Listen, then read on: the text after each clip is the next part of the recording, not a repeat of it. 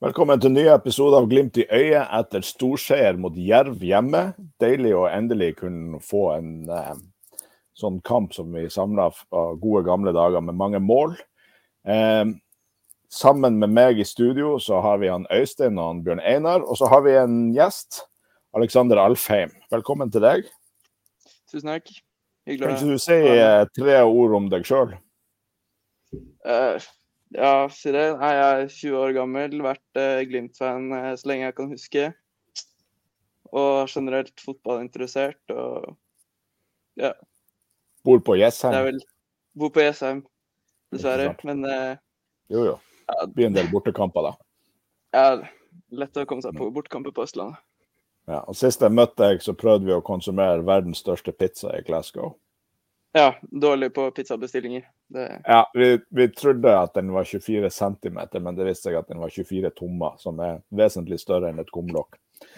Eh, så etter at eh, jeg, Alexander og eh, faren hans Frode hadde spist så mye at vi nesten omkom, og vi spanderte på alle andre som var i restauranten, så var det ca. en halv pizza igjen.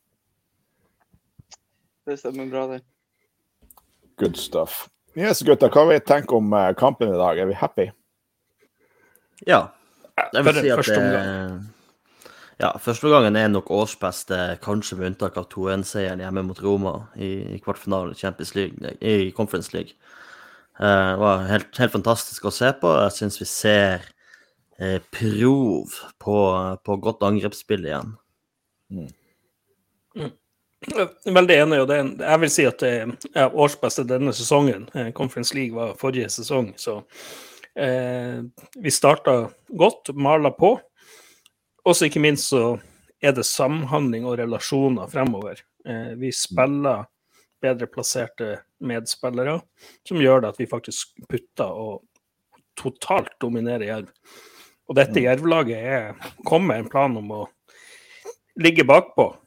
Eh, og det er veldig godt å se at vi faktisk maler de i senk.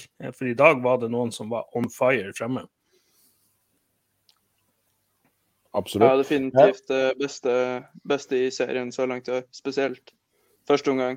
Så blir det jo naturligvis litt svakere i andre omgang, men totalt sett beste seriekampen i år. Definitivt. Ja, det er jo mot et jervlag som for ikke lenge siden spilte 1-1 mot Bolde og holdt på å få et uavgjort resultat også på Lerkendal for to runder siden. Så at vi bare går ut og totalt overkjører dem, det er det er bra. Det er ikke alle i Eliteserien som gjør det, for de har virkelig kommet seg nå. Ja, altså Jerv er jo Altså vi har møtt bedre lag enn Jerv eh, på Aspmyra i år. Eh, det, det, kan vi jo si. Men samtidig så har vi også møtt eh, vesentlig dårligere lag enn Jerv og ikke klart å få et godt resultat ut av de kampene. Eh, så vi må jo være veldig fornøyd med å skåre fem og slippe inn null. Eh, og i hvert fall i første omgang, ha de gode relasjonene som, som viste seg. Ja, og så er det faktisk et litt flatterende resultat. Altså, det hadde jo ikke gjort noe om det hadde stått tosifra, altså 10-0. Eh, vi hadde skudd i stolpen, det var litt sånn man ble, I andre omgang man ble litt egoistisk. Spillerne prøvde å skyte litt, det var litt sånn triksing og miksing. Espejord burde ha skåra, vært easy der på slutten. Boniface ja. burde ha putta et par til. Det, det, hadde ikke gjort noe eh, om, om det, det, hadde ikke vært noe å si om det hadde stått 10-0. Men eh, Bjørn Einar, du nevnte at, uh, at uh, Jerv kom med en plan om å legge seg bakpå. Eh, Tom Pedersen kommer med et spørsmål her. still spørsmål i kommentarfeltet, så blir denne sendinga enda bedre. Gjør som Tom. men han stiller spørsmålet kom ikke Jerv med en særdeles naiv måte å spille på. Ja, jo, jeg vil jo si det. I hvert fall Bare prat. Sorry. Bare, jeg, jeg, jeg, vil jo si at de eh, de hadde nok en plan om å holde nullen så lenge som mulig og satse på kontring. Eh, mm. Men idet Glimt får det første målet, så rakna de helt. Eh, og det er sånn de, de var på etterskudd hele tida. Og, og, det er litt sånn, i dag så var det kvalitetsforskjell rett og slett mellom lagene. Det gikk så mye fortere med Glimt-laget at ja, de, hang på, de hang på etterskudd. og eh, jeg, jeg, mener jo det at den første eh, der Muka blir felt, det er en straffe. Eh, han blir tatt på foten der, og det, den er klarere enn den vi faktisk får straffe på. Ja, hvor klar er den straffen vi får? Ja, altså det, det, er litt sånn fordi at det ble, Jeg tror det ble samlepott. Det var vel det Petter Tosterud og han, Lars Bohinen sa. At nå er det to ganger. Til neste gang så blåser dommeren straffe. Så det er litt sånn Det er tre, tre feil straffer, rett og slett. Men, men eh, det, det, er ikke noe å si på det at Glimt får en straffe, men, men, den første var nok med, den kanskje den mest klare.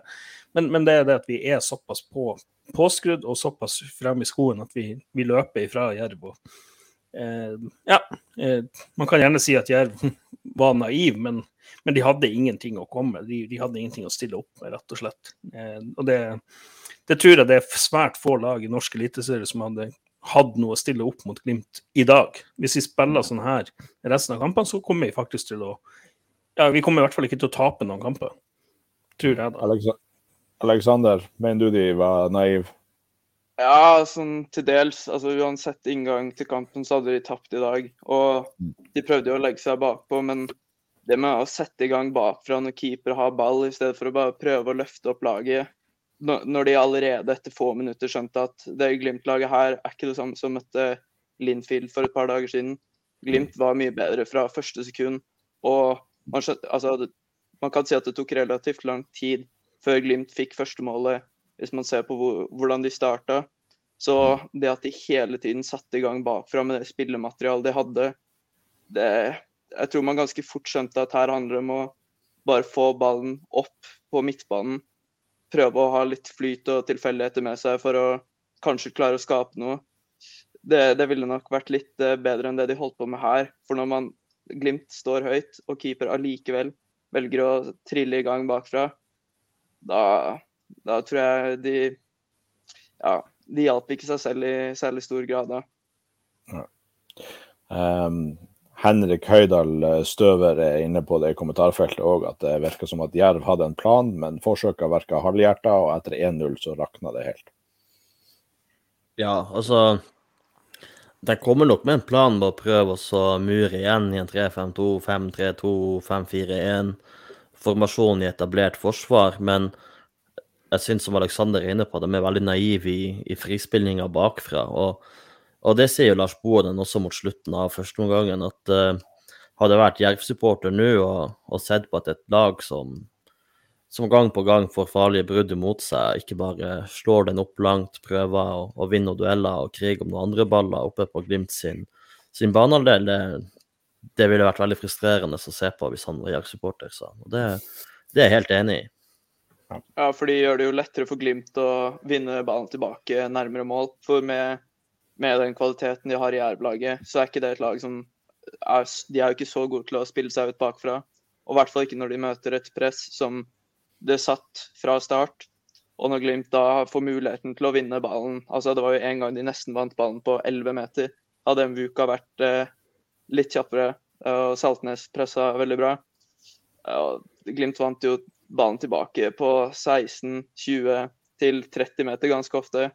Så burde nok ha begynt å bare lempe, lempe ballen litt opp på midten mye tidligere enn de, de gjorde. Og de gjorde det aldri i noe ordentlig grad.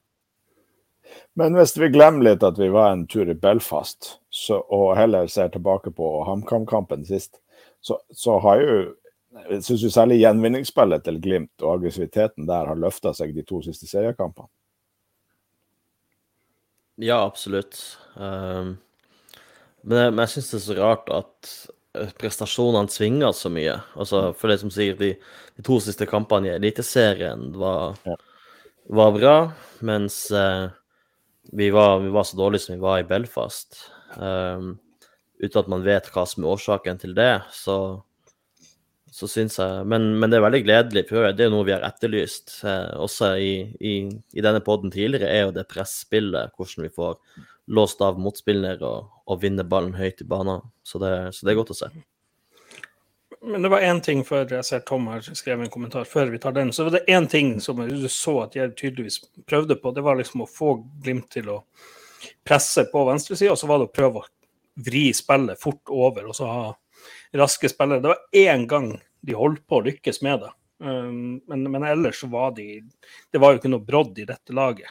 De prøvde å ta Glimt på, på en del ting som andre lag har lyktes med, men samtidig de var jo ja, de, de, var naive, som Aleksander sier. Uh, men, men, det var Men jeg, jeg, som sagt, jeg tror ikke det er noen, noen lag som hadde hamla opp med Glimt uh, i Eliteserien, sånn som den første omgangen var, for den var brutal.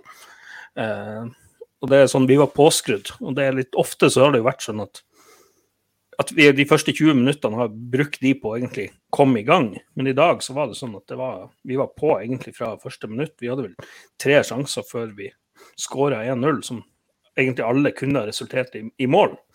Mm. Eh, også det annullerte til eh, målet til Pellegrino, det er jo helt rett. Eh, han er i offset når ballen blir spilt. Hadde Vetlesen skutt sjøl, så hadde det ikke vært noe problem. Men, men eh, likevel, det er sånn vi har skapet så mye sjanser. og De var, Jerv var naiv. Eh, og de har en relativt god skuddstopper i han keeperen, men, eh, men eh, i dag så, så, var det så som så. Egentlig over hele linja. Ja.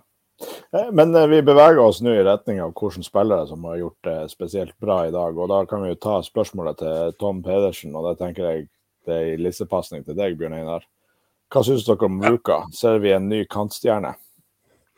Jeg har jo skrøtet mye av Muka, for man har tort. Eh, og det er jo det vi ser i dag. Han tør, mm. og han prøver. og så Av og til lykkes han ikke, men når han lykkes, så blir det så jævlig bra.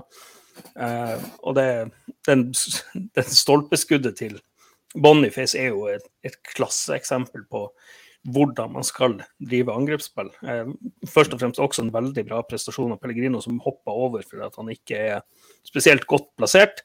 Og den der skal Boniface sitte. Men vi ser at han tør å utfordre ned mot linja og legge inn. Eh, og av og til så skyter han, og det er jo det som resulterer i, i det er vel 5-0-målet, eh, der han skyter og det blir en retur. Han, han er frekk og freidig. og Endelig, det er godt å se han får ut potensialet sitt. Jeg syns vi har sett veldig mye i år at han har tatt store steg eh, fysisk. Han tør å prøve, tør å, han er ikke redd når spillerne kommer inn. Og så er det det at han tør å utfordre. og det er som sagt, Når spillere slår ballen og springer rundt, rundt bekken, da slår på én side og springer rundt på andre sida, Man må jo bare elske det. Det er jo som Jens Petter på sitt, sitt aller beste når han var frekk og freidig og gjorde sånne ting. Um, så det er, sånn, det, er, det er jo lett å trekke frem Pellegrino, men for min del så er det eh, Muka er dagens Glimt-gutt. Rett og slett fordi at det, han gjør så veldig mye bra. Og så gjør han også mye bra defensivt. Han har så mye tempo at han, han avverger mange potensielle farligheter. Eh, og det har vi jo skrøt av han tidligere. Så Alexander, hva du tenker om Vuka og, de, og hvem gjorde det spesielt bra i dag? Ja, nei, det, det ble helt riktig å trekke frem han. Um, det er mye potensial, ja, men uh, føler, man ser det ganske ofte i Eliteserien og, og, ganske mange ligaer generelt, at det er noen spillere med veldig bra fart og teknikk som de ser veldig gode ut, gjør mye bra. Så mangler de det siste lille foran mål. I dag så, så mangla det ikke foran mål. Altså Han skåret ikke selv, men han bidro med målgivende og eller, fikk én straffe. Burde hatt en til. Så bra med produkt i dag. Det handler bare om å få til det på eh, ja, mye oftere. Det er jo litt det samme med Solbakken altså, ser enormt bra ut i tider, men mangler det siste lille foran mål. Så tar han steg der. Så kommer han til å levere veldig bra for Glimt og kommer til å bli solgt for en god del penger. Så han var en av de beste. Pellegrino må selvfølgelig nevnes. Og syns Helstad Amundsen var veldig, veldig solid baki der og har vært god hele, altså alle kampene han har starta. Så det er ikke Saltnes òg, forresten. Han var jo Spesielt god i første omgang. Det var som å det var litt som å se han i 2020, mål og målgivende. Bra i presspillet. Syns ikke han har vært spesielt god i serien så langt, sammenligna med, med nivået han har hatt de siste to årene. Så mm. syns jeg også Bris gjør en ganske bra kamp på venstrebekken, selv om jeg ikke akkurat er største fan av, av han som venstrebekk. Men uh, Synes, du, du ja, passer veldig godt inn i podkasten så langt. ja. Nei, det er litt ymse, ymse, der. Jeg tror aldri jeg har blitt så lurt av en spiller som han etter den første Celtic-kampen, for da Da var jeg fornøyd. Men det tror jeg det var mange andre som var òg. Mm. Ja, men, men, men, i dag så er det sånn at eh, ja, det, det, er jo lett å si at de, de fremme pluss Saltnes egentlig skiller seg litt ut, da. Men så syns jeg også at vi får mye gode løp fra Samsted på høyresida. Eh, han mm. kommer rundt, og det, sånn, han, det virker som den, han og eh, Muka det, det er en, en, potensielt bra kombo.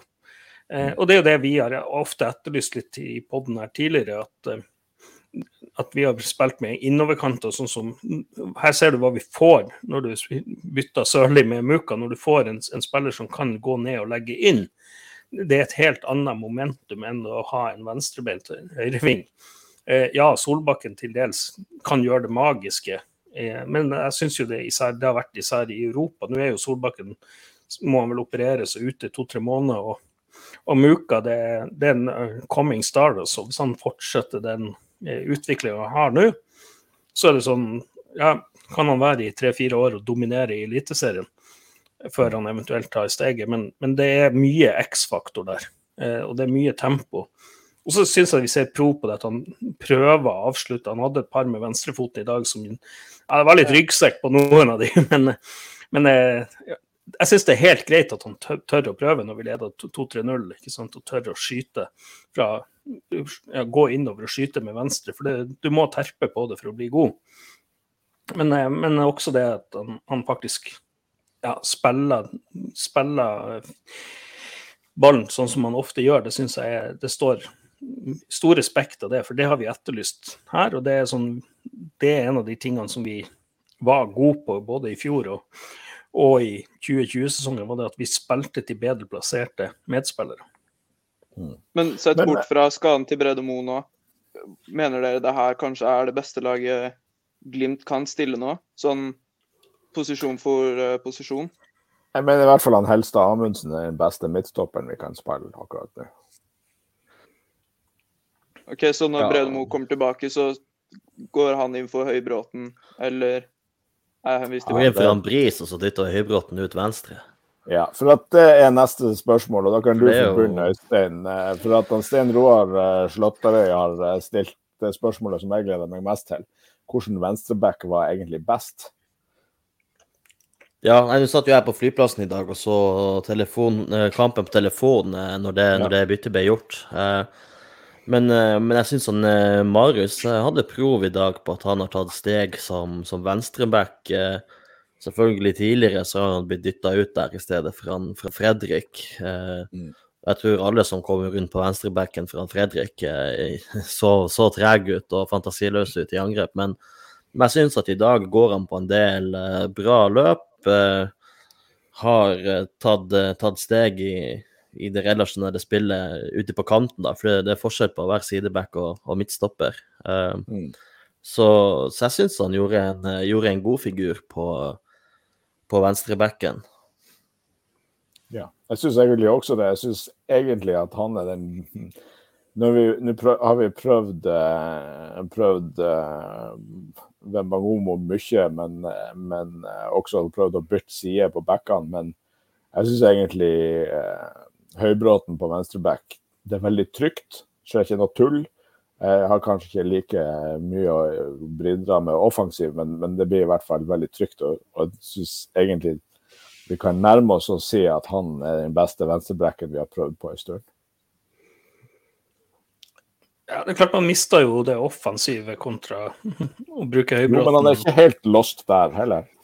Nei, men, men, det er også den, den tryggheten man har med tempoet til Bris, eh, især når man, når man, ligger der fremme. Det, men det, igjen så syns jeg det at vi Bris han, han, er god i dag, ikke sant? men så er det det at han, han kan starte et sekund før på en del eh, overlapper. Eh, hvis han gjør det, og det, det, Men det er klart, når han kommer ned til, til dørlinja og skal legge inn, så er det jo Som sagt, vi har jo pratet om det, at han er jo, er jo lam på, venstrefoten. Den brukes jo til å stå på. Uh, og Det, det syns jeg vi så også med Samsted, når han spilte der, at den, den, den venstrefoten den bruker man til å stå på. Det er ikke noe mer enn det. Det er ikke noen tofotsspillere. uh, men, men, jeg syns jo også det, det, det, Ja, man får trygghet med, med Marius der. Uh, så er det det som Amundsen blir trukket frem. Jeg syns jo han har noen vanvittige igangsettinger. Det var en som var litt risky, men der var, er han jo mm. faktisk med helt opp i boks. Eh, og det blir jo relativt farlig. Vi, det var jo, hørte Bohinen også sa det, at se hva Glimt overbefolka i boksen. Men det var jo han bare tok det løpet, bare pila rett gjennom og bare var med helt opp, liksom. Det er sånn, Jeg snakka om at han får ballen fra haiken og setter i gang og gjør en liten manøver der. Men, men han spiller en god kamp, og det virker som han har ja, funnet frem litt selvtillit. For det er treng, trengs vel kanskje når man har vært i Tromsø. Vi ser jo det på han spissen som kom inn. Mhm, det ja. mangla litt.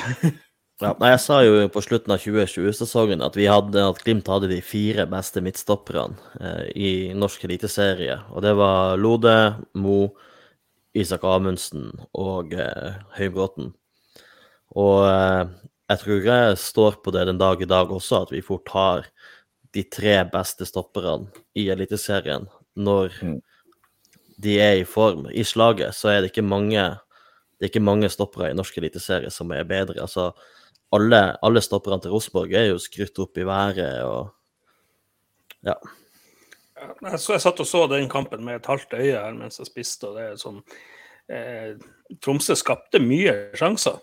Så mye mer enn en hva de ville ha gjort hvis de hadde bytta Henriksen med, med Amundsen. Amundsen er såpass god, tror jeg, at han hadde utfordra plass på det, det Rosenborg-laget der. Eh, sånn som han spiller nå, da. Vi må ikke glemme Ogbu i Lillestrøm, da. Nei, Ogbu er god. Eh, han, ja, han er solid. Han er nok fort topp tre i serien. Jo, men totalt sett er vi totalt sett så er vi veldig godt forspent på stoppeplass. Og Sigurd Kvile er tilbake i dag. Hva dere syns om ja. hans uh, innhopp i pausen?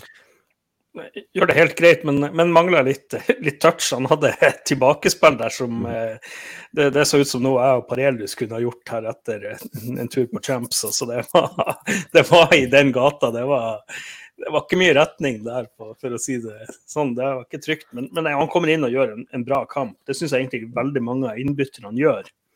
Ja. Eh, jeg syns også Sjøvold kommer inn og viser et friskt pust. Jeg syns også Anders Konradsen, du ser at han kommer inn og håper det at han snart kan holde 90.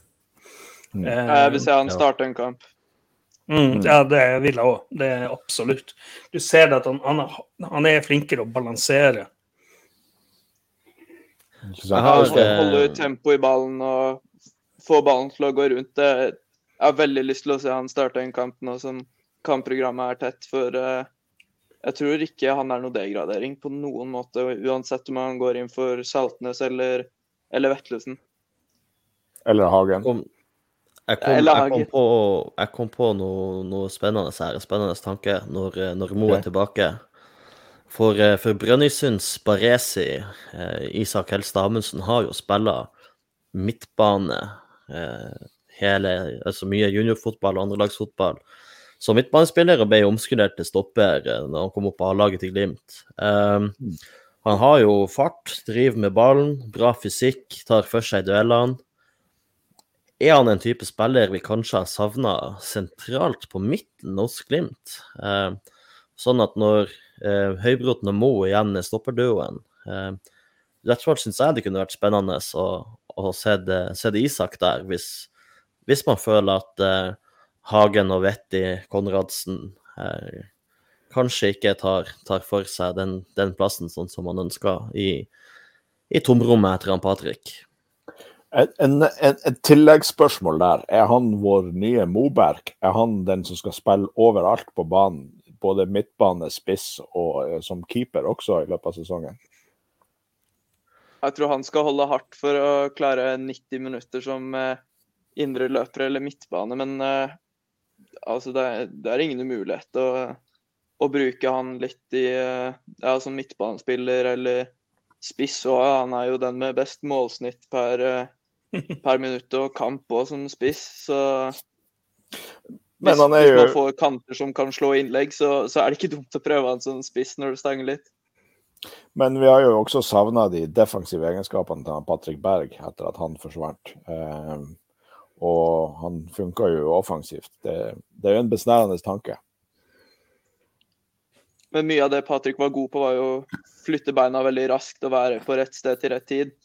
Ja. Jeg har vanskeligheter for å se for meg at uh, Amundsen skal klare det i like stor grad, men uh, han er nok bedre defensivt enn Hagen er per nå. Men uh, mm.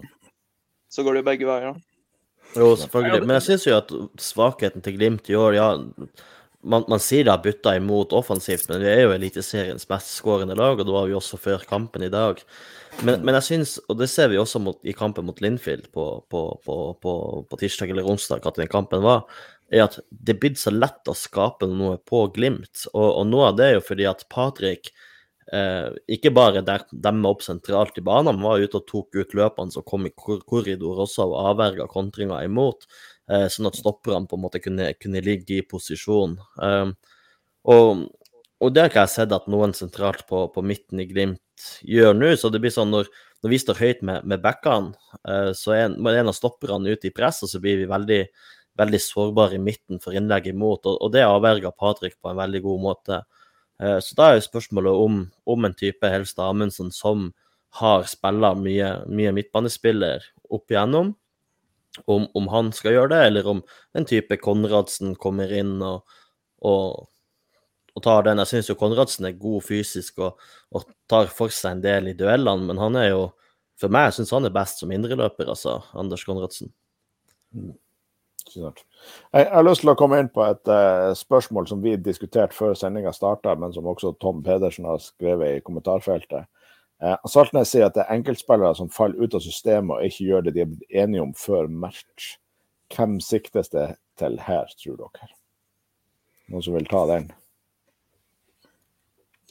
Jeg, jeg tror primært det er litt, litt Boniface. Jeg kan starte med den. Jeg tror det er det at han, mm. Han søker mye ball. Eh, mm. og faller litt ned. og det ser Når han blir flytta ut på vingen, så er han jo egentlig mer en nier. Står bak, bak Espejord. Eh, mm. du så, så, på kroppsspråket at han virka ikke kjempefornøyd med å være ving. Eh, det er litt sånn ja, vi har skrytt mye av Pelle, ikke sant? og det Pelle er god til. Eh, jeg nevnte jo det tidligere, det at han har en målteft. Fordi at han starter når de andre ikke gjør det. Eh, mm. Og Det er det jeg egentlig savner med Boniface, at han, han, putter en litt sånn enkle og er på returer, og egentlig sånn som Pelle er.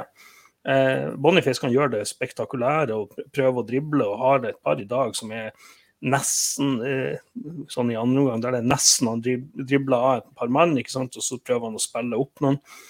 Men eh, jeg er litt usikker om det, det, er han som skal være der. Eh, og det er nok, Jeg tror nok det skyldes litt at han, han, er veldig kåt på det å vise seg frem.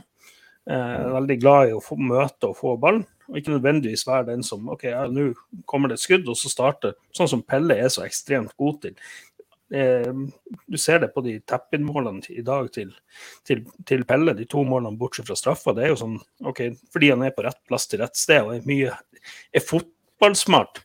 Og Det var jo en diskusjon på Twitter etter, etter HamKam-kampen. at det, er, det, er sånn, det var en som hadde sagt at det der kan man ikke trenes til. Så bare jo, man kan det, men du må være der. Du må terpe. Posisjon, posisjonering er ekstremt mye terping. Og det ser du Pellegrino, hvor god han er til det. Det ser du i dag. Og det er grunnen til at han er toppskårer. Bare spør han Solskjær. Han var en strålende avslutter, men han var også veldig god på å være på rett plass til rett tid, og, og det er jo typisk Pelle.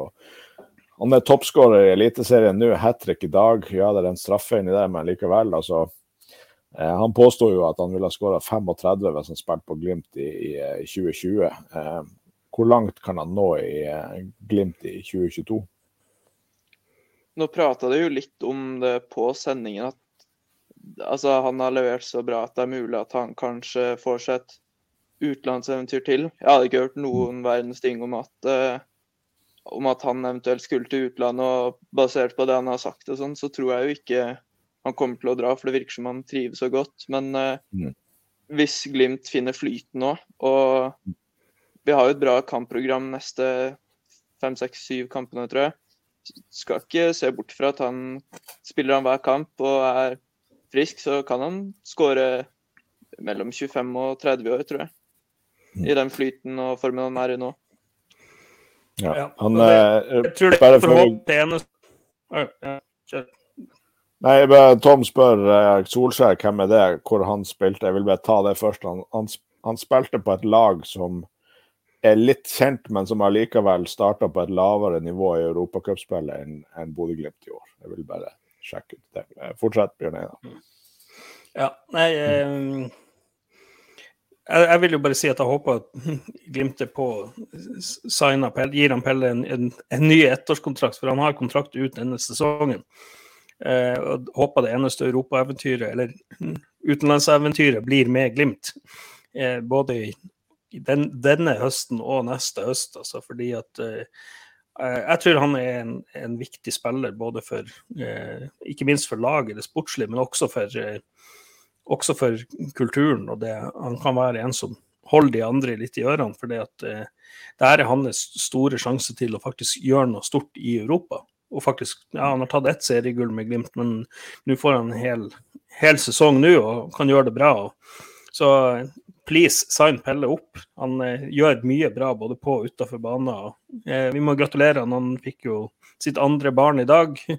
Eh, godt gjort at det ikke var noe Og bra at det ikke var noe sånn fødselsperm. Ja. Nei, men det er en helt vill prestasjon det han gjør i dag, allerede før vi vet at han har blitt eh, pappa på nytt igjen i dag. Så gratulerer til han. Men eh, vi får inn eh, mange spørsmål her. Um, vi kan ta det fra Håkon Sommerseth for mange avslutninger går fortsatt rett på keeper eller over mål. Eh, det er ikke uten grunn at keeper i de foregående kampene har blitt skrytt i været. Eh, viktigste med kampen i dag var å få opp selvtilliten. Eh, I Glimt er det ingen stjerner som skal være avgjørende. Eh, det er spillestilen som, og, og, bidrag fra enkeltspillere inn i laget som er avgjørende. Her har jeg faktisk ja. Kan jeg starte med denne? Ja, kjør.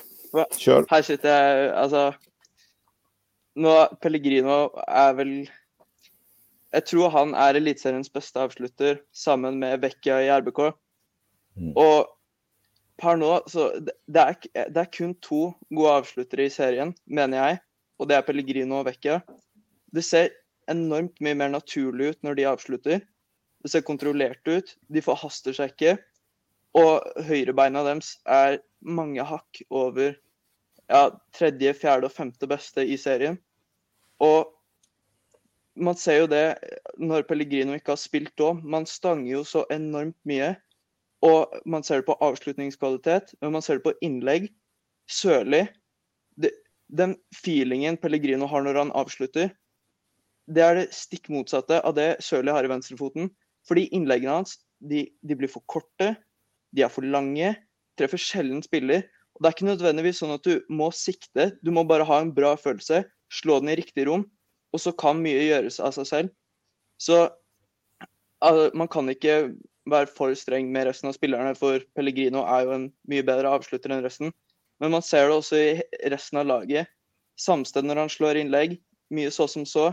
Bris bare i vanlige støttepasninger og langpasninger. Eller han, når han spiller venstreback, vrir aldri spillet, og det tror jeg er fordi han er usikker på om han klarer å slå gode langpasninger og man, han er usikker om han klarer å slå over spillere, og ender opp med å slå, gjøre det ganske enkelt.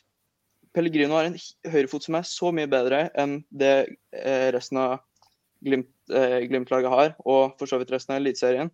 Men det er bare store mangler overalt. Man ser det i avslutningsteknikken. Det er mye kraft, lite plassering. Når man prøver å plassere, så bommer man ganske mye. Det, ja, det, er, det er strengt, men eh, men eh, det er mye Det virker som det trenes mye kondis og løping. Mens på de småtingene der, så, så, er det færre spillere som virkelig er gode til å avslutte og har en ja, si litt magisk, eh, magisk fot, syns jeg, da. Øystein, du har lyst til å følge opp? Ja, men, men jeg tror det, det handler mye om, om, ro også.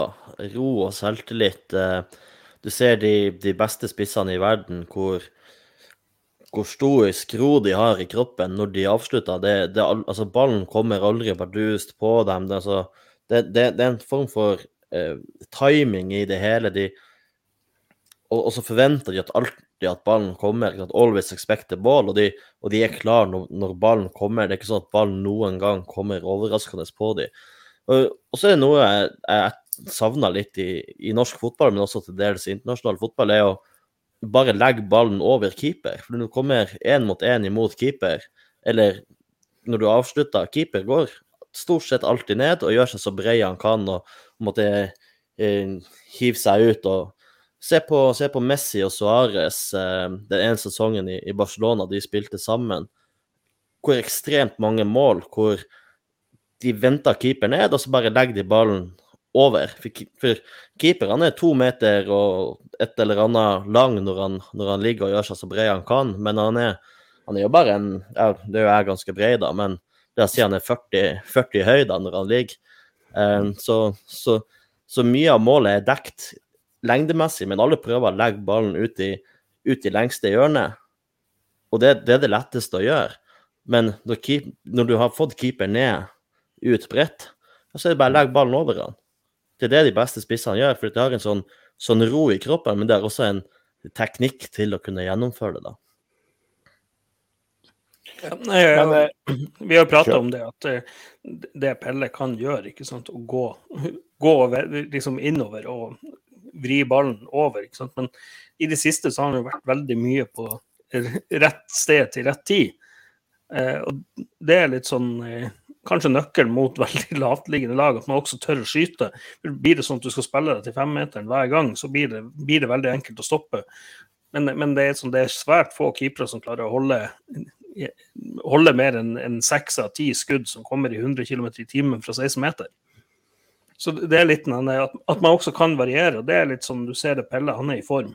Han er Eliteseriens toppskårer, skåra 13 på 15 kamper. Eh, det er ikke alt, alt han har spilt heller. Eh, jeg tror fort at han kan få en høstsesong der han skårer ja, 17 mål, at han kan klare 30 i år. Helt klart hvis han holder seg skadefri.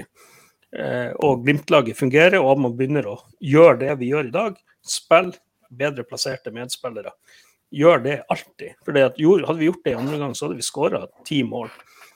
Eh, og det, det, er litt sånn eh, ja, Glimt er det mestskårende laget. Det har vært defensivt, egentlig, har skorta litt eh, så langt. Men, men det er den, jeg savner den rett og slett det at vi også har den samhandlinga mot lavtliggende lag, og at vi tør å prøve. Og det setter jeg veldig pris på med Muka.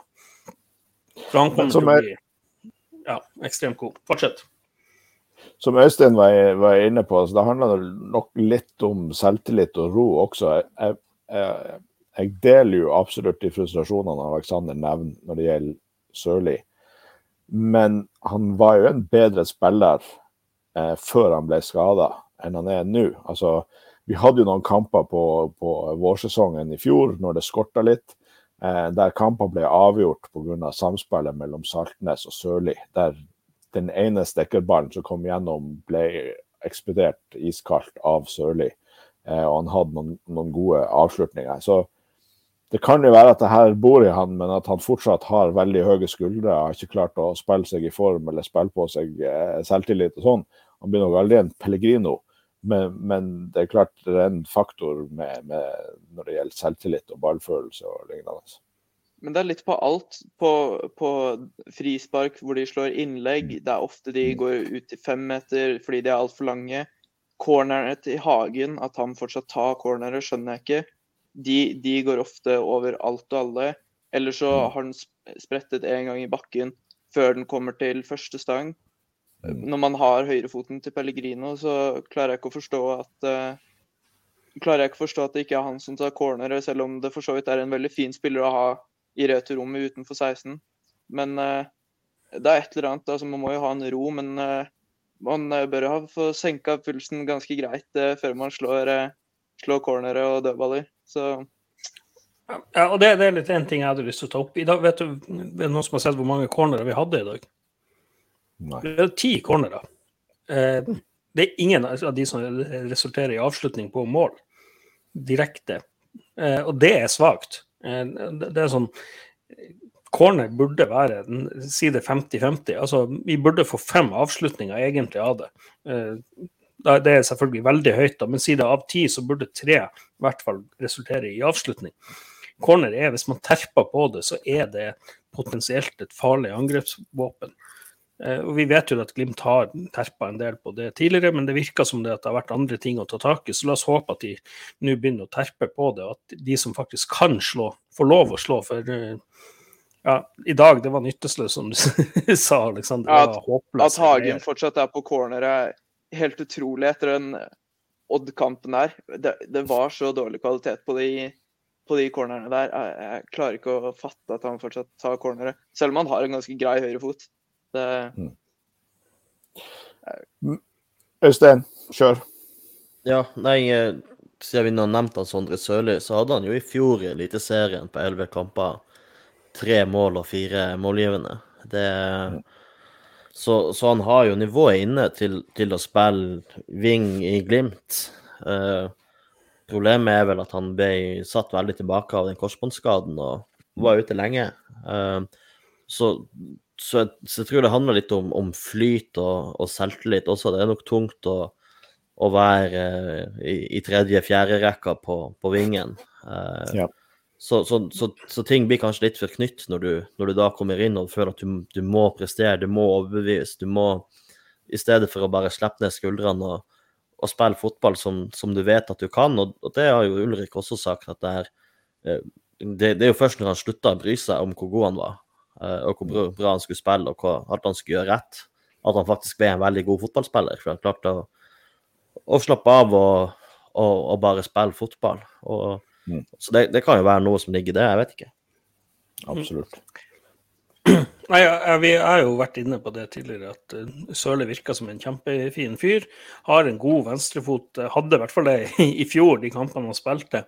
Men det var jo også på et lag som ikke presterte kjempegodt. Eh, det var jo først når Pelle egentlig kom inn at Glimt virkelig tok av som en rakett. Eh, og det jeg savna med, eh, har savna med Glimt-vingene, egentlig til Muka kom inn, er tempo. Fart og tempo. Ja, Pelle har, har greit med tempo. Han er ikke der han var for fem-seks år siden, men Eh, han har smartnessen, og det er litt sånn han kompenserer med, med smartness for det manglende tempoet.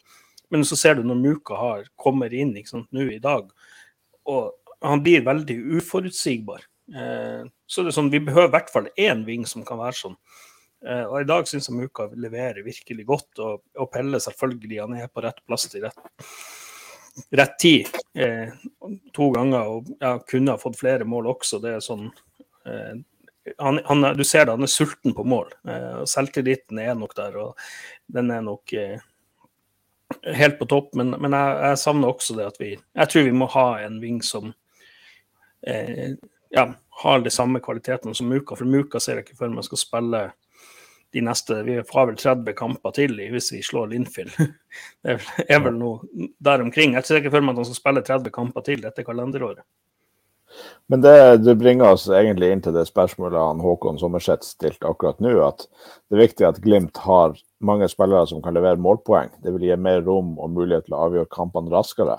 Klarer vi å komme tilbake dit at vi leder komfortabelt etter 60 minutter, sånn at vi kan uh, hvile noen og, og sette inn på benken?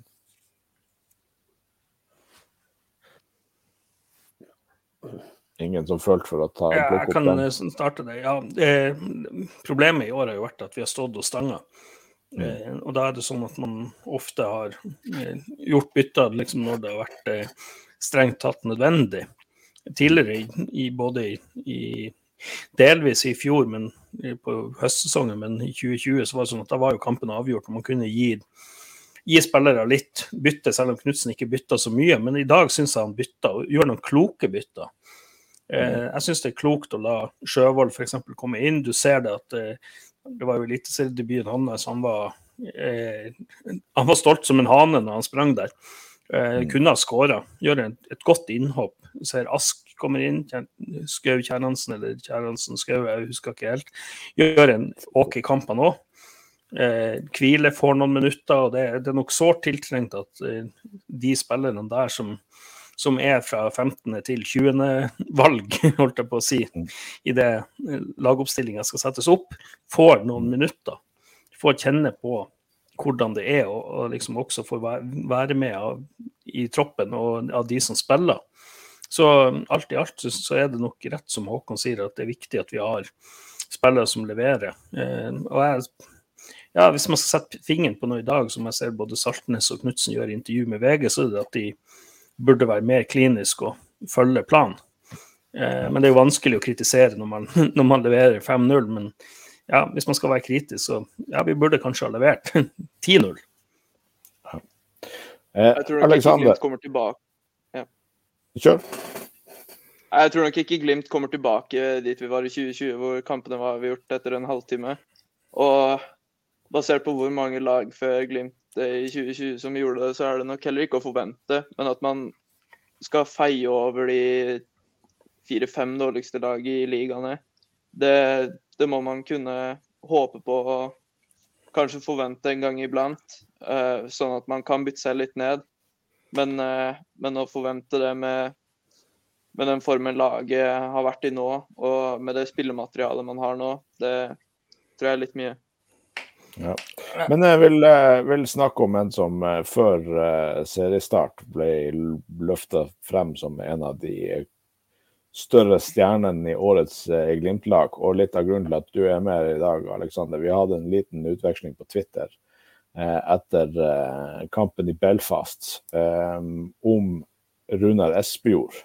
Og at det ikke er hans feil alene at han kommer til så få sjanser. Har du lyst til å snakke litt om det?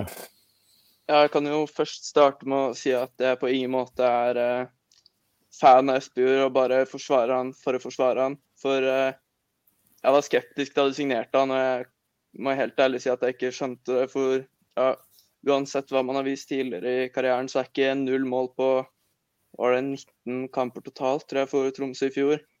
Mm. Det, det, som spiss så skal man levere mer, mer enn det. Men eh, Nei, altså han Gjennom hele sesongen nå, han, jeg syns ikke han har vært særlig god. Uh, men allikevel, jeg klarer ikke å være direkte misfornøyd med det han har levert. Jeg tror han har, han har tre mål på tolv kamper og én målgivende. Og jeg sitter ikke med noen følelse at han skulle ha skåret så mye mer enn det. Altså, han, det er ikke så mye å jobbe med. Det var jo litt det mm. samme Botheim òg. Etter tre kamper i fjor så hadde han tre mål. Men det var, det var, om noe så var det to mål for mye. For han skåret på det han fikk av muligheter. Én, maks to gode muligheter i løpet av starten av hver kamp, og det var det. Mm. Og ja, utover sesongen så fikk nok Botheim litt mer å jobbe med. Og, men han tok også store steg.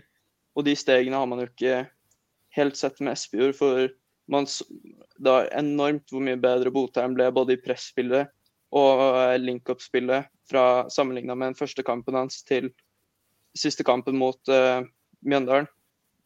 Uh, så, altså, han tok store steg, men nå er jo Espejord mye tyngre og høyere enn det, så det blir litt vanskelig å litt vanskelig å gjenskape det. Men de siste kampene har han spilt med Mvuka som venstreving og Sørli som høyreving. Ingen, altså, ingen av de kan bare angripe ned mot kant og slå inn med riktig fot. De må hele tiden stoppe opp, vende inn i banen for å få ballen på godfoten. Ingen av de har særlig god innleggsfot. Slår ikke innlegg som Espejord får, hvor han får noe å jobbe med. Så å drive og klage på at Espejord er så enormt dårlig altså Han er ikke god. Han, eller, altså, han er ikke dårlig, men han er ikke, han er ikke Botheim, han er ikke Junker, han er ikke Boniface. Men man må ikke sammenligne han med de. Man må ta Espejord for det han er, og det er Runar Espejord. Han har skåret tre mål mer enn i fjor på mange færre kamper. Han har vært helt OK, men når man ikke spiller på styrkene hans, så kan man ikke henge ut han som enkeltspiller. Laget har ikke fungert planen offensivt er jeg veldig usikker på hva er når Espejord spiller. For om det skal være innlegg, som, sånn at han kan heade, som er styrken hans, så gjør man en veldig dårlig jobb med å spille på styrkene hans. Så man kan godt være misfornøyd med han, men da tror jeg man har hatt litt vel høye forventninger. Som er godt gjort å ha til en spiller som har skåret null mål på 19 kamper. Veldig gode poeng. Jeg er veldig, veldig enig. Han, han får veldig lite å, å jobbe med inne i boks. Um, hadde han starta i dag, så tror jeg han hadde putta et par mål. Altså, for det at i dag så gjør vi faktisk en del av de tingene som der Espejord kan være god. Eh, uten, han er en spiller som trenger selvtillit. Eh, jeg tror nok, det at, eh, jeg tror nok også det at han har merka det kjøret det er i Glimt kontra Tromsø. Vi hørte Knutsen sa det, at Amundsen var jo nesten rasert etter å ha vært i Tromsø et år. Eh, det treningsregimet det er nok klart det, det sitter nok kanskje i. Men jeg skal ikke se bort ifra det at vi, vi får en Espejord som på høstsesongen kommer inn og leverer. Men, men han trenger han, Det er viktigere at vi har vinger som, som, kan slå innlegg, og backer som kan, kan, slå innlegg. For det har vi jo ikke gjort. Det har vært rimelig håpløst i tidligere kamper der Espejord har starta. Men Espejord han, han, er mer lik Junker enn en, en Botheim. Men så tror jeg det at eh, vi har pratet om det tidligere, at han, han, må også gå og si den spissplassen skal være min. Han må vise det med hele seg, hele kroppen, at her skal jeg spille. Nå skal jeg spille for meg sjøl og for laget. Jeg vil ha ballen her, så skal jeg skåre. Så må han tørre å avslutte. Han har en avslutning i dag, og den er sjanseløs. Det ser det en spiss uten selvtillit. Der, ja, der kunne han lagt ned ballen og runda keeper. Der hadde han mye ja. bedre tid enn han trodde. Mm. Og, det, sånn, det kommer med selvtillit. Eh, med, med, med, god selvtillit. Så en, en, spiss med selvtillit hadde tatt ned ballen der og eh, venta keeper ned og løfta den over der. Istedenfor å prøve ei sjanseløs avslutning på ute av balanse, som ender langt opp og holdt på å si, ute i Vestbyen. Men jeg skjønner Så. lite av, av rotasjonene sånn i laget. For vi, vi, er vel alle enige om at Espejord bør spille med kanter som er gode på å slå innlegg. For, så at, at, de gangene han starter, så er det med Mvuka som venstrekant og Sørli som høyrekant. Men når man roterer og kanskje får inn Eller at Mvuka spiller høyrekant, og Pellegrino som i hvert fall har en presis høyrefot, da er det Boniface som kommer inn. Mm. Boniface er da mye bedre på å linke opp vingene og resten av laget enn det Espejord er. Så det ville jo vært i, i, hodet mitt så gir det mye mer mening å bruke Boniface med Mvuka som venstreving og Sørli som høyreving, enn Espejord som er avhengig av å mates med gode innlegg. Så jeg, jeg mener at når Mvuka spiller venstreving og Sørli spiller høyreving, da er det ikke noe poeng å bruke Espejord som spiss. Da bør Boniface starte. Mens når si Pellegrino spiller venstreving, eller Solbakken når han eventuelt blir klar, spiller venstreving, og mm. Mvuka høyreving. Da, da bør Espejord få muligheten, i hvert fall. Boniface burde starte nesten uansett, mener jeg. Men man må i hvert fall gi han en fair mulighet. Og ja, det er lett å kritisere han, for han har ikke vært særlig god. Men det er nok ikke bare, det ikke bare hans feil. Og det er i hvert fall ikke bare han som fortjener kritikk etter flere ganske dårlige kamper i ja, årets sesong. Eh, vi, vi, begynner å nærme oss den tilmålte timen vi, vi prøver å holde oss ca. rundt. Eh, og vi skal også på slutten ha en liten prat om kultur og sånn, som vi snakket om forrige episode, og som har fått eh, ørlite grann oppmerksomhet. Eh, men, eh, men, mens vi er inne på spisser, så kommer Tom Pedersen med et eh, godt spørsmål. For at her er jo mye rykter og så videre akkurat nå. hvem skal spille spiss i Glimt i høstsesongen? Han spør i Salvesen får vi vel en signalspiller som går foran og løper og beveger seg. En god presspiller? spørsmålstegn. Hva dere tenker om det? Salvesen er nok en, en, en bedre presspiller enn eh, Boniface. og så er han nok en, en, Jeg tror Salvesen er en, oppgradering av Boniface. eller sånn, Det vil være ca. det samme, men du får en bedre presspiller. Du får en som kanskje gir alt. Og så er det det at han er vel seks år eldre. Det har kanskje litt å si. Han vet hvor Har vært med i gamet noen år mer, vet hvor målet står. Eh, han har prestert godt i godset. Eh, absolutt. Og jeg syns at han har vært de kampene jeg har sett, han har han vært veldig god. Eh, det eneste jeg har å utsette på han, det er hårsveisen. Det, du kan ikke spille med manbun. Thank you. Jeg er helt enig der. Ja, jeg tror uh, hvis uh, Salvesen kommer inn, så er fort han som skal, skal spille med Espejord i bakhånd eh, sammen med Nordås. Eh, da, da, da, tror jeg det er fordi at eh, Boni, som, som, nok er vår mest attraktive spiss, eh, kanskje er, er, på tur, tur ut. Eh, for jeg tror, jeg tror, ikke Glimt blir sittende med både Boniface Espejord og, og Salvesen med, med da i tillegg Nordås i bakhånd. Mm. Alexander? Ville ikke vært ganske Altså nå, nå, er jo Boniface den spilleren i Glimt, i hvert fall blant spissene med desidert størst potensial og størst mulighet for å bli solgt for en god slant med penger. Ville det ikke vært enormt dumt å selge han nå i sommer, når man potensielt står foran Si at man kommer til Conference League. Med det laget Glimt har nå, man kan ikke forvente at de kommer veldig langt. Men man kan forvente at de spiller tre-fire gode kamper i gruppespillet, og kanskje kommer seg ut av gruppespillet. Hvis Boniface får starte de seks kampene i et uh, Conference League-gruppespill, uh, skårer fire-fem mål, får vist seg ordentlig frem, så vil jo verdien hans kunne dobles eller tredobles.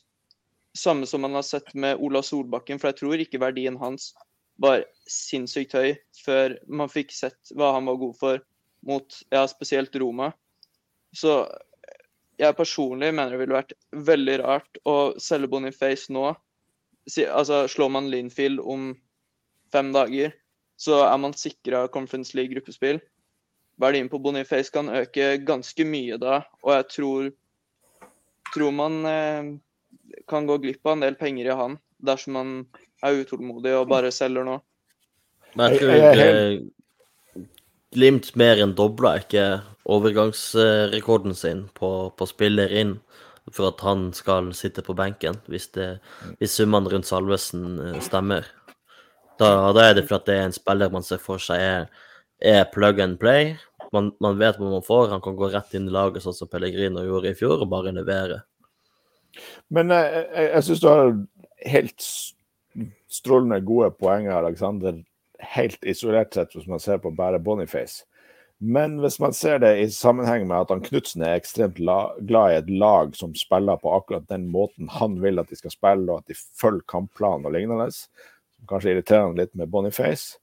Samtidig så er jo han en tikkende risiko med de to skadene han har hatt. Hvis han har fått en tredje, så er sannsynligvis karrieren over, og han er verdt veldig lite penger. Hvis vi nå eh, i det her overgangsvinduet bytter ut Boniface med Salvesen, eh, og samtidig setter igjen med 10-15 millioner i pluss på det byttet, er ikke det en ganske bra deal? Hvis man får henta en venstreback eh, og, og, noe mer for de pengene, så, så mm. kan jeg si meg enig i det. Men eh, jeg tror Glimt nå har solgt for så mye at man kan hente inn Salvesen.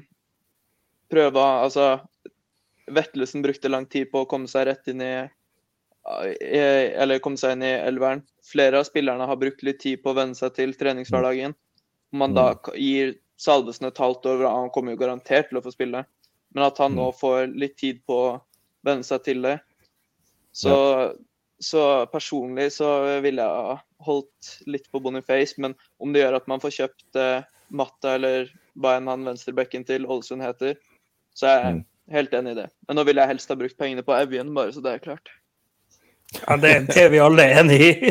Men du spiller dessverre Evjen. Eh, men, men, det er jo sånn, Glimt har jo eh, Salvesen ser jo ut til å være mer eller mindre don deal. Jeg har ikke sett han i Glimt-drakt, så jeg tar det, tar det, ikke for god fisk for han er der. I tillegg så ryktes det jo at vi Interesserte interessert i en fra Maribor, en slovensk eh, U21-spiller. Han heter Nino Suggjel, eller noe sånt. Eh, og ut ifra det kan lese på sett, så, så virker han minner litt om Ola Solbakken. Nesten 1,90 høy. Eh, tempo, eh, høyre ving. Eh, sånn, kan du spille begge vingene. Så det er nok kanskje eh, å kjøpe spillere fra Maribor. Eh, Maribor har vel vært med en del år i Champions League, så jeg vet ikke hva Glimt må ut med der, men det er vel en, sikkert en fem til åtte mil. Jeg tror jeg leste åtte-ni for han. Rundt. Ja det er nok der, og det, er klart det, det er jo potensialet man betaler for. Så, eh, så det, det, virker som at man forbereder seg på et liv etter Ola Solbakken. Eh, han er jo mer eller mindre ferdigspilt allerede hvis han må operere og ute to-tre måneder.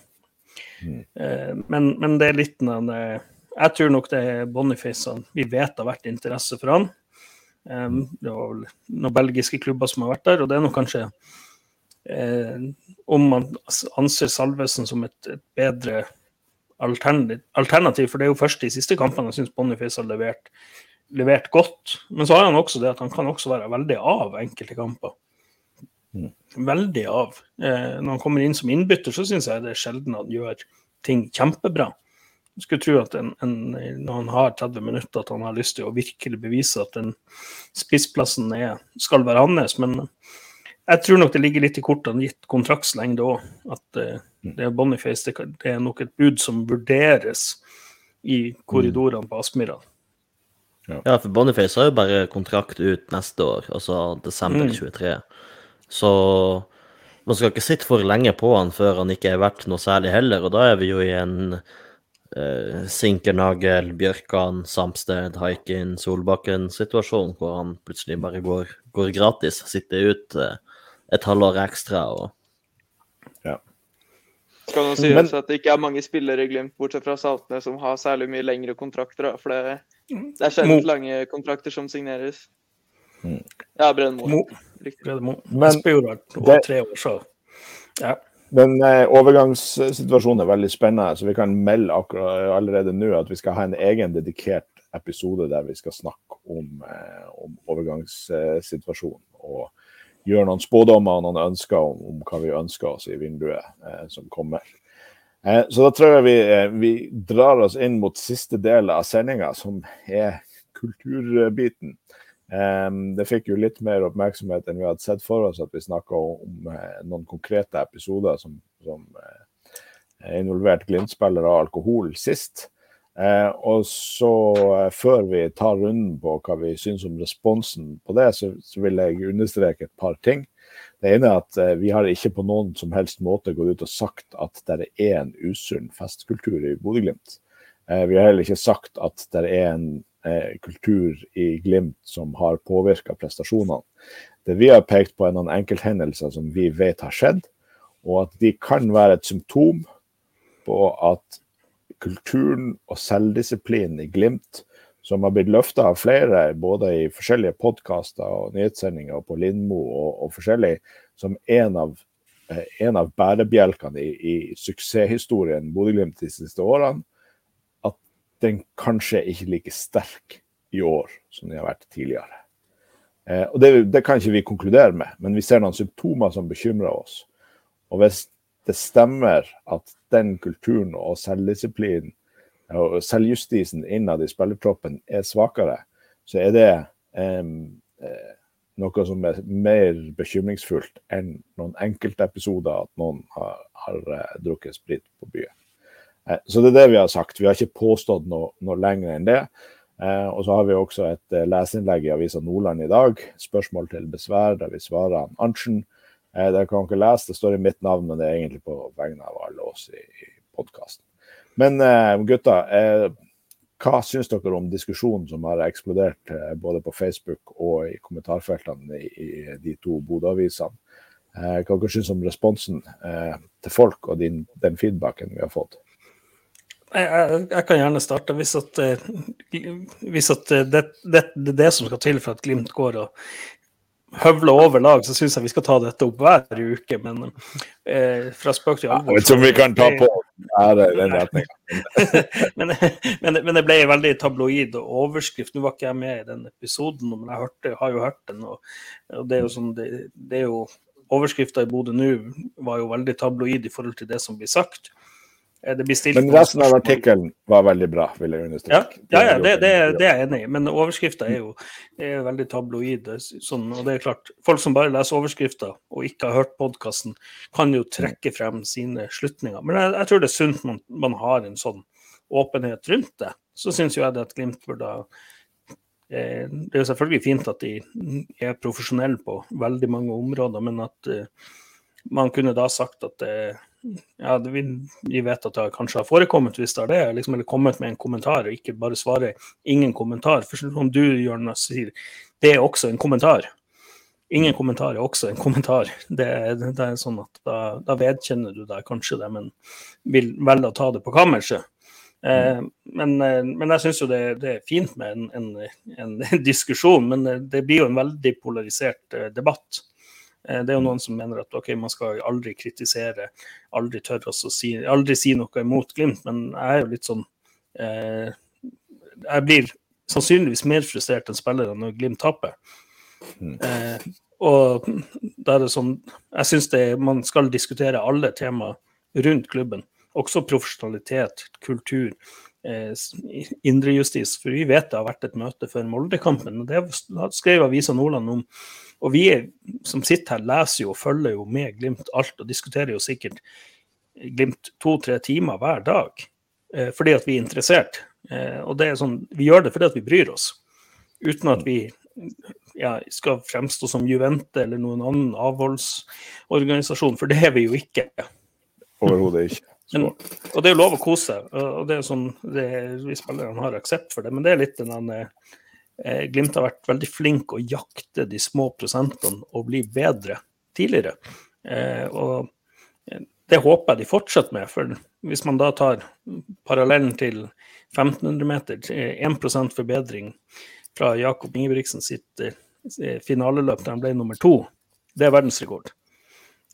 Det er 3.26. Og jeg tror han er en som jakter de alle små kneppene, eh, prosentpoengene, for å bli bedre.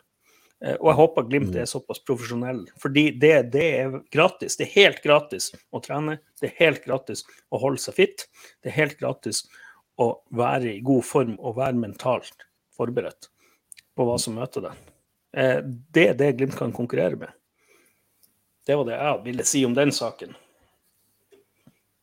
Øystein Aleksander, har dere noen eh, tanker og følelser på det her?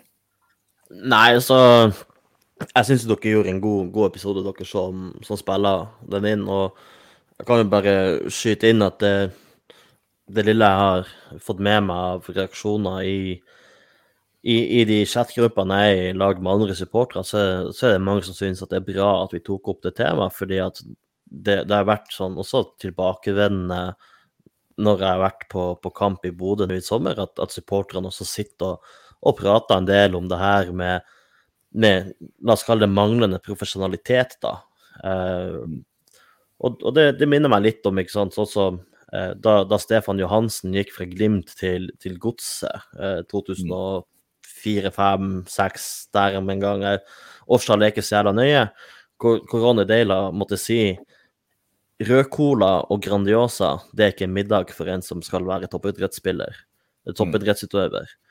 Og da går det ikke veldig lang tid før han plutselig eh, vinner vel seriegull med godset, er, er, drivende god, går til Celtic og var kaptein i Celtic etter hvert, og, og var en av de spillerne som var mest fysisk robust i, i Celtic også, nettopp fordi at han innså vel litt hva det krevdes å være toppidrettsutøver. Og, og det som Bjørn Einar sier, altså det, det, er de, det, er de, små prosentene på om du er toppidrettsutøver 24-7, eller om du er det 22-7. Altså og, og, det også sier Kjetil Knutsen i, i det intervjuet som den artikkelen som er skrevet i Avisa Nordland fra treningsleirer i Danmark, er at det hjelper ikke å komme på trening og, og, være, og tro at du er seriøs når du, når du glemmer det når du drar hjem etter treninga. Og så kan vi kanskje si at noen av oss har lagt mer i det sitatet enn det kanskje Kjetil Knutsen mente, men at det gir rom for diskusjon når man i tillegg hører de ryktene som, som verserer blant supporterne i Glimt, og også de tre hendelsene vi har fått bekrefta har skjedd, og som også Bodø nå har bekrefta sannhetsgeheften i da, så, så syns jeg det er helt greit at vi åpner opp, eh, la oss si det, eh, Pandoras eske da, og, og diskuterer det her med 24-timersutøveren, seriøsiteten og, og det det medbringer, da. Alexander, du har jo ikke vært med på den diskusjonen her på forhånd. Du har sett det litt utenfra. Hva, hva, er din take? Nei, jeg syns altså hvis eh, det for de flere Altså, for meg så var det ikke kjent før eh, dere tok det opp. Men hvis, eh, hvis, det er mange som vet om det, og det har vært litt prat om det, så ser jeg på ingen måte noe problem med at det tas opp for offentligheten, og at man får vite om det. Men eh, så er jeg også der at eh, om man, altså Fotball er jo et lagspill, og om enkeltspillere gjør ting som gjør at de leverer dårligere på banen, som igjen hemmer kollektivet, så er jo ikke det på noen måte optimalt. Dersom det ikke hemmer dem på noen måte, de klarer å levere sitt beste, så ser jeg heller ikke noe problem med at man er på byen en gang iblant når man vil. Uh, personlig så drikker jeg ikke spesielt mye alkohol, så jeg vet ikke, vet ikke, akkurat hvor mye de har inntatt og hvor mye det har påvirket dem. Men uh, hvis man gjør Hvis man bruker tid på noe som ødelegger for laget og kollektivet, og som gjør at helheten i det Glimt går ned og blir dårligere, så er ikke på det noen måte ideelt. Og om folk er sure for at man tar opp ting som kan være et ganske stort samtaletema, så vil jeg mene at det er ganske, ganske dumt. For man må, kunne, man må jo kunne være kritiske til det som skjer. Man kan ikke bare la alt passere. Om man trenger å bry seg veldig mye, det velger man selv. Men eh, det er greit å ha greit at man tar opp vikt, altså Det kan jo være et viktig tema og en viktig årsak til at Glimt kanskje gjør det dårligere. Om det er det eller ikke, det vet ikke jeg. Men at man prater om det og få litt fakta på bordet, det syns jeg Sånn syns jeg det skal være. Veldig bra. Skal... Bare, jeg har bare lyst, å, bare lyst, til å, komme med et lite innspill til de, de som har lyst til å vite litt om eh, hva, det, hva, det, vil si hvordan fotballen har utviklet seg. Hør på Heia fotball-episoden med han Ja Amakwa. Eh, hør hva han ville ha gjort annerledes. Eh, han, trekker, han, er også en som ofte trekker frem Glimt, hva Glimt gjør. Eh, det var det ene. Det andre jeg leste intervjuet, jeg tror det var i VG med Markus Holmgren Pedersen, hva han har gjort etter han kom til Feyenoord. Eh, hvilke grep han har tatt for å bli best. Han har sagt at han skal bli Norges beste høyreback. Han har sagt at han skal spille 100 landskamper. Og han har tatt aktive grep for å gjøre det. Eh, og vi ser at vi har gjort, blitt veldig profesjonelle på mange områder. Så hvis den kulturen er sånn i ferd med å bli viska ut. Men det blir jo bare stilt spørsmål. Det er jo ikke noe verre enn det. og det er sånn eh, Ut ifra at det har versert en del rykter og det er sånn Jeg syns det er helt greit at man tar den diskusjonen. Ja. Og eh, For å understreke det, vi skal gå inn for landing nå. Vi har ikke noe ønske om å gjøre noe større sak ut av det her enn det er blitt. Det er allerede blitt en ganske mye større sak enn vi trodde det skulle være. Vi gikk mange runder internt eh, før vi bestemte oss for å faktisk snakke om de her tingene. Vi følte det var riktig. Vi føler vel fortsatt at det var riktig. Eh, og til de som har stilt spørsmål med timinga på det her, for at vi skal spille en så utrolig viktig kamp mot Linfield snart, eh, så vil jeg si at ja, nei, men det vil kanskje aldri være optimalt. Men helt seriøst, det Linfield-laget skal maltrakteres uansett. Det, det, er et lag på et sånt nivå at Bodø-Glimt skal maltraktere det uansett hvor mye press det er fra media og hvor mye ubehagelige ting som snakkes om. Om spillerne ikke har sovet de 48 timene før den kampen, så det er et lag som skal maltrakteres. Og Timinga blir ikke bedre utover sesongen, for vi skal spille utrolig mye viktigere kamper enn det. Vi skal kvalifisere oss til Champions League, vi skal spille mot Real Madrid.